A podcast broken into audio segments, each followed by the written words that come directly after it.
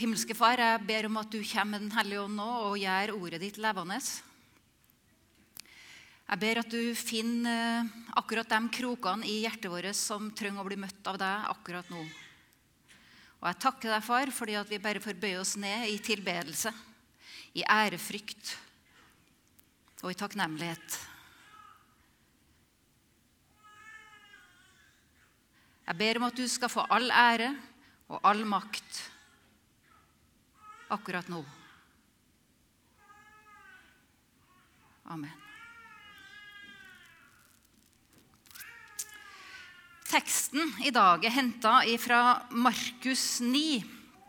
Og jeg leser dem fra vers 2 til vers 8 bare.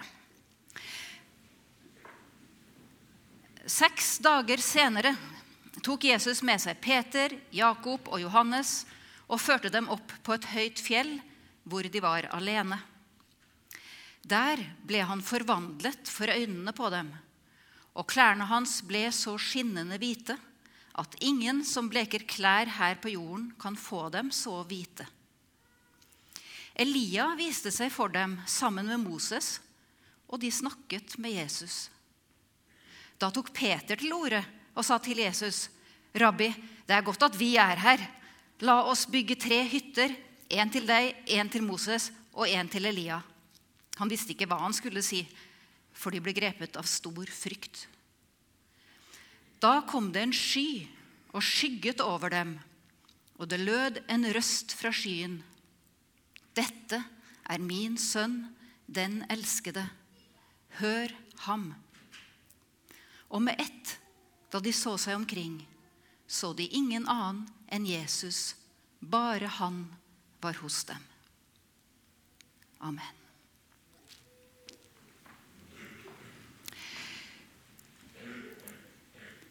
Det her er en tekst der vi hører om at Gud den allmektige drar forhenget til side, slik at syndige mennesker får se inn i en åndelig virkelighet som er umulig å se inn i med det blotte øyet og med de naturlige sansene. Det er en følge av fallet. For da Gud, vår skaper, skapte oss, så forma han mennesket i sitt bilde og blest sin pust inn i det. Og mennesket ble en levende sjel. Og relasjonen mellom skaperen og skapningen var at det åndelige, det menneskelige, det naturlige, alle disse skillene som vi opererer med, de var der ikke. Det var ingen atskillelse. Og det står at Gud Fader vandra sammen med dem i hagen. Det var en kommunikasjon fra en far, en Gud, som talte, og en menneskehet som lytta. Etter fallet så skjedde et dramatisk skille der vår ånd Bibelen kaller det dødd. Sjøl om vi fortsatt har Guds pust, og vi lever i Han og rører oss i Han. Og jeg hadde aldri vært i eksistens om ikke Gud holdt oss opp. Men likevel så har det skjedd noe i vår ånd som gjør at vi ikke lenger naturlig fanger opp det åndelige. Og Menneskets naturlige vei for å søke åpenbaring om Gud, det er gjennom sine sanser. Det er gjennom det sjelelige. Det er gjennom vår tanke. Det er gjennom våre følelser.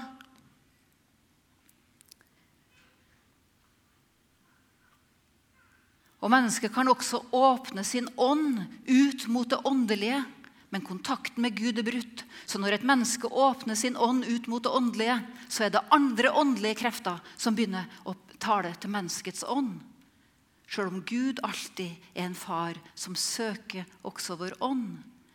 Men livet i ånda bringes kun gjennom Han som er veien, sannheten og livet.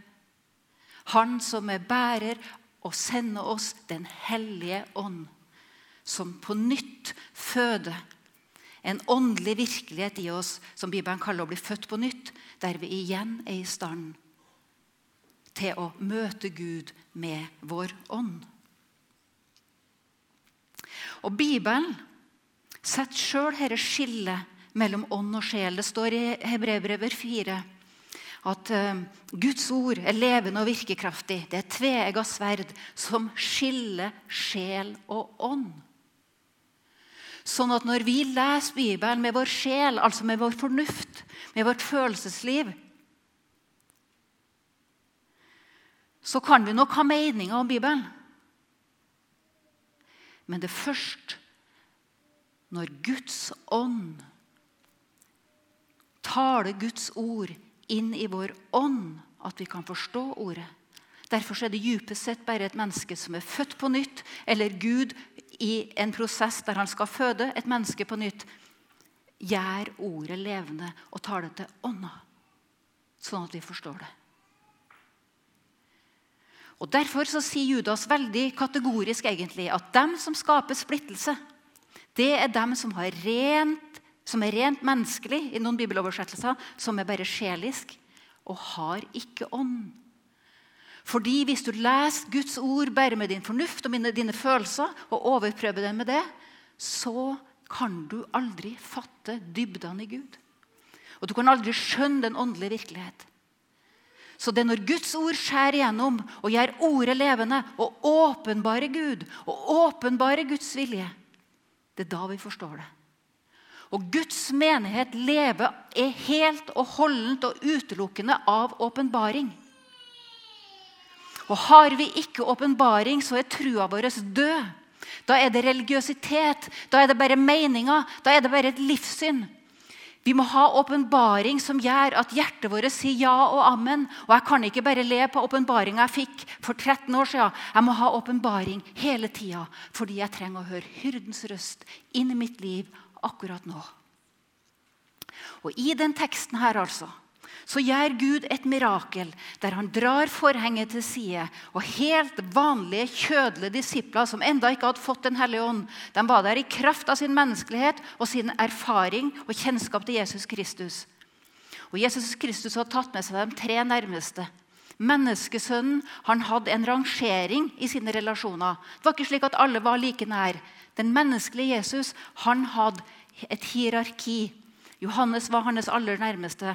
Og de tre her, Peter, Jakob og Johannes, de var med ham inn i den djupeste smerten i Getsemane. Og de var med ham inn i den største åpenbaringa på fjellet. Der blir Jesus forvandla.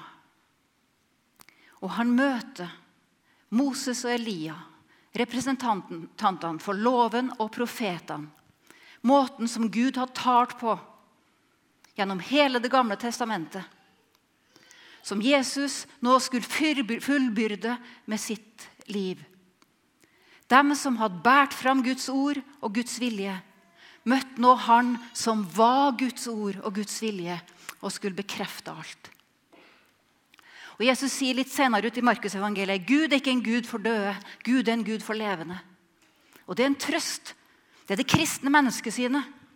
Vi går ut av tida, og vi går inn i Guds virkelighet. Abraham og Isak og Jakob er til, sier Jesus. Gud er en Gud for levende. Moses og Elia er til. De er ikke her. Men vi lovpriser Gud sammen med hans menighet i himmelen og på jorda. Så drar Gud forhenget til side, og de får se inn i en virkelighet som de aldri har sett før. Og de fylles med frykt. I vår tid så er det viktig å stoppe opp litt ved den detaljen at det er Gud sjøl som drar forhenget til side og gir en åpenbaring. I vår tid så fins det mennesker midt iblant oss, midt iblant Guds folk, som når som helst, hvor som helst, kan se inn i det åndelige, gi et kunnskapsord, gi en profeti, se noe fra Gud, se noe som skjer i det åndelige over deg. Når som helst. Du kan bare spørre dem. Og du trenger noen ganger ikke spørre dem heller. Det er ikke åndens gave i funksjon. Åndens gave i funksjon kommer når Ånden vil, slik Ånden vil, og den som bærer det fram, er en Åndens tjener. Den som kan se inn i det åndelige når som helst, hvor som helst, han har kreftene sine fra det okkulte. Og er, Vi må være våken her, fordi det er mange mennesker som har møtt Jesus Kristus, men de har en bakgrunn, kanskje fra New Age, kanskje fra masse uh, nyreligiøsitet, uh, og, og, har utvikla evnene sine til en veldig sterk følsomhet i det åndelige. Og Når de blir frelst, så blir vi så begeistra, og de blir nesten alltid satt til bønneoppgaver, til forbundstjeneste, til tjenester der de flyter i åpenbaringsgavene sine uten å bli utfridd. Uten at spådomskreftene er kasta ut. Legg merke til hos spådomsveikja i, i apostelgjerningene 13. Når hun ropte etter Paulus Nei, Peter Nei, nå husker jeg sannelig meg ikke hvem hun ropte ropt etter. Eh, men er disiplene som så kauka. Disse folka kauka. Disse folka er tjenere for den høyeste Gud, og de viser dere veien til frelse. Er ikke fantastisk? For et vitnesbyrd! Jeg sier som bibellærer Derek Prins i våre menigheter så hadde vi kommet til å dratt henne inn og gjort henne til bønneleder i menigheten. Men Peter gjenkjente åndskreftene. Og spådomsåndene måtte kastes ut.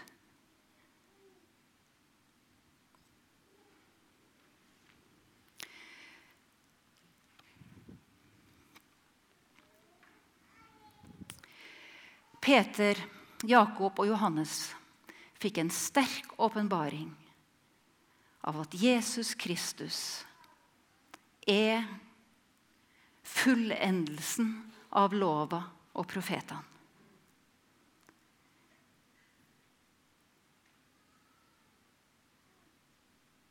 De var i et gudsnærvær.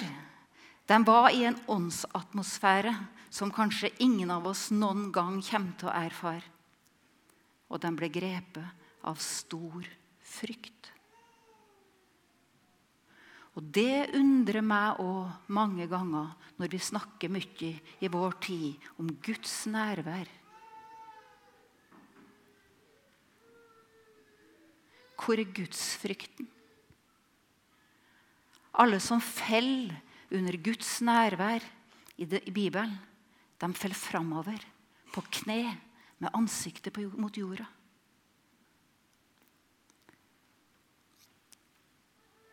Det er et glimt av det helligste av det hellige. Og midt i denne helligheten av Guds egen åpenbaring så trer Peter fram.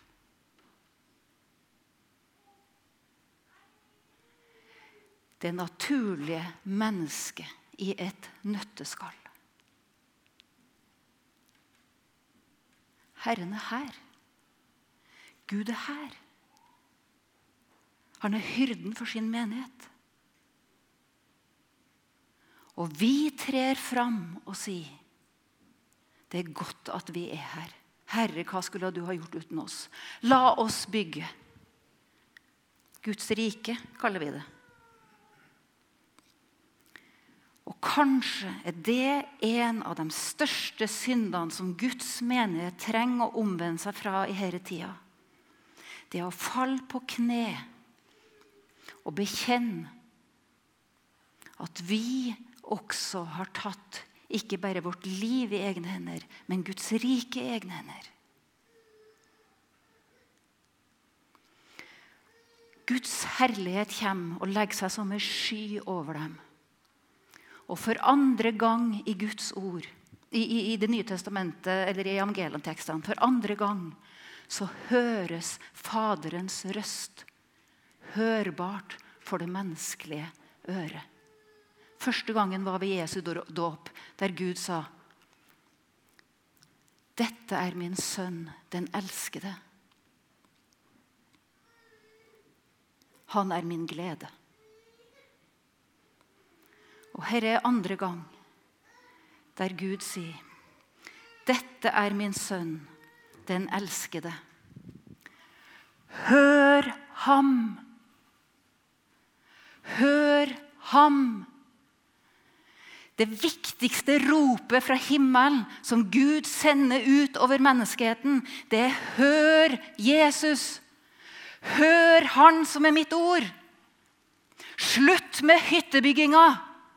Fall på kne fra å ta livet og arbeid og Guds rike i egne hender. Hør Han.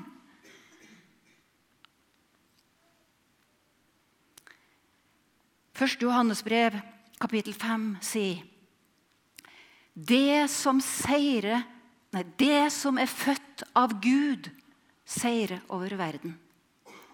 Det eneste som vil ha framgang, ikke minst i tid der åndskreftene mobiliseres sterkere enn noen gang, der den åndelige motstanden er sterkere enn noen gang, der urenheten, synda, forfallet i kulturen, forfall i, i, i enkeltmennesker, oppbruddet, eh, splittelsen, opprøret, gudsopprøret, fruktene av gudsopprøret begynte å nå sin modenhet, som Bibelen kaller det. I den tida her er det eneste Hør! Det er det eneste som vil gi oss framgang det er et Guds folk som handler på det som de har hørt av Jesus Kristus. For det er det som Jesus Kristus har sagt, som er av Gud, og som er født av Gud, og som vil ha Guds frukt. Alt annet er døde gjerninger.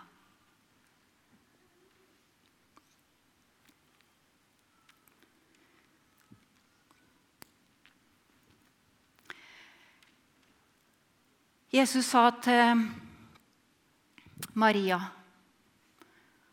Hun satte seg ned ved Jesu føtter og lytta til hans ord. Og søstera sa, 'Æsj, si til ham at han må komme i aktivitet.' Men Jesus sa, 'Ett er nødvendig. Ett er nødvendig.' Maria har valgt den gode del, og den skal ikke tas fra. Alt som Gud har tenkt å gjøre i deg og gjennom deg og for deg, vil være en frukt av at du har hørt ordet og tatt imot det. Og handla på det. Et av de skriftordene som for meg er den største utfordringa i mitt liv, det er Hebreerbrevet 4.2. Det er et skriftord som er blitt fullstendig ødelagt i den nye bibeloversettelsen. Så bare glem den. Jeg siterer den. Ifra, det, det, er feil. Det er helt corny. Det sier jeg selv om jeg er doktor og ikke teolog. Men jeg har, jeg har lest så mange oversettelser og sjekka det opp med så mange som kan gresk, at jeg har midt på det tørre. Hebreerbrevet 4.2. Der står det det gode budskapet ble forkynt både for oss og for dem. Men ordet de hørte, ble til ingen nytte fordi det ikke smeltet sammen med dem. Fordi det ikke ved troen smeltet sammen med dem som hørte det. Ordet ble, det, ble dem til ingen nytte fordi det ikke ved troen smeltet sammen med dem som hørte det. Så Gud er altså ikke først og fremst opptatt av at du skal ehm, eh, lese mest mulig bibelvers og mest mulig kapittel og mest mulig andagsbøker og mest mulig kristen litteratur. Det han er opptatt av for at det skal bli deg til nytte, det er at det ordet du leser, smelter sammen med livet ditt. Og Min erfaring er at de fleste av oss bare er i stand til å la eh, små ord, små poeng, enkle setninger smelter sammen med oss i gitte situasjoner.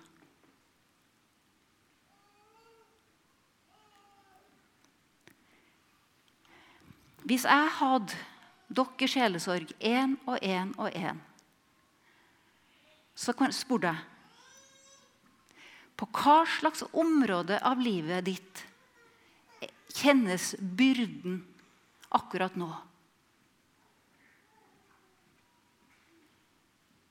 Hva er vanskelig i livet ditt akkurat nå?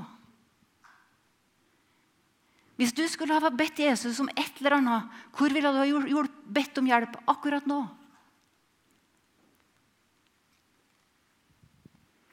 Da spør jeg deg, Guds folk Hva slags ord bærer deg på det området akkurat nå? For Guds ord sier at Gud bærer alle ting med sitt mektige ord.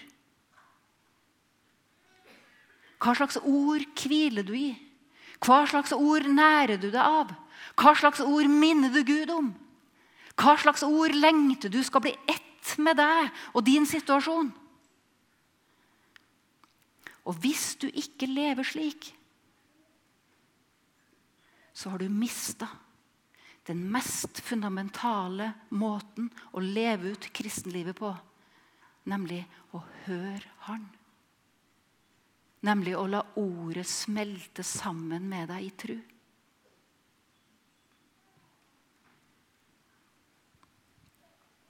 Det er en vei som ingen kan gå for deg. Det er en måte å leve på som du må velge.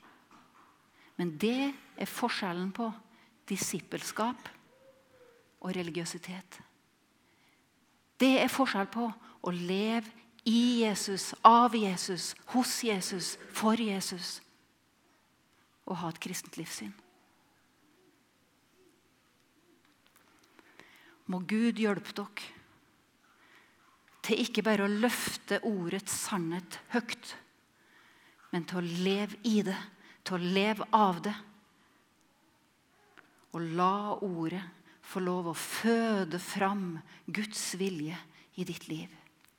Noen ganger går det fort, andre ganger tar det tid. Jakob sier,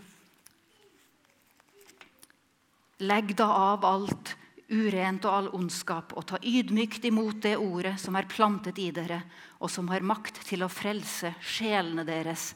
Dere må gjøre det ordet sier, og ikke bare høre det, ellers vil dere bedra dere selv. Ordet har makt til å frelse sjelene deres. Det ordet som er brukt, er psyke. Psyke. Jeg har et område i mitt liv, et område i min psyke, som volder meg stor smerte.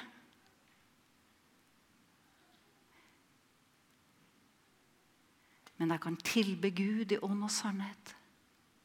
Min ånd vet at Gud er Gud uansett hvem jeg er. Min ånd vet at Den hellige ånd er i meg, uansett hva min kropp og min sjel sender ut av signal.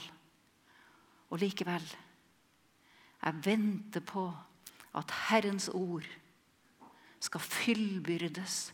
At Herrens ord skal helbrede min sjel. At Herrens ord, som også kan helbrede min kropp, at Herrens ord skal slå inn. Kanskje må jeg leve med det før helt til Gud skal gjøre alle ting nye. Men han kan også helbrede meg i morgen. Det gjelder det sjelelige, det gjelder det fysiske. Det ligger i Herrens hender. Men mens jeg venter, så venter jeg på Guds ord. Og jeg tar Guds ord, og jeg lever i Guds ord. Og jeg sier at dette er sannheten. Den sannheten har kraft i seg til å frelse min psyke. Må Gud velsigne deg til å leve et liv i Han som er Ordet. Far, jeg takker og priser deg for ditt hellige ord. Jeg takker og priser deg for ditt uh, mektige ord. Jeg takker og priser deg, Jesus, at du ikke har overlatt oss til oss sjøl, men at du er en Gud som taler, og som taler inn i det innerste djup i hver enkelt av oss. Jesus Kristus, Hellige oss i sannheten. Ditt ord er sannhet. Amen.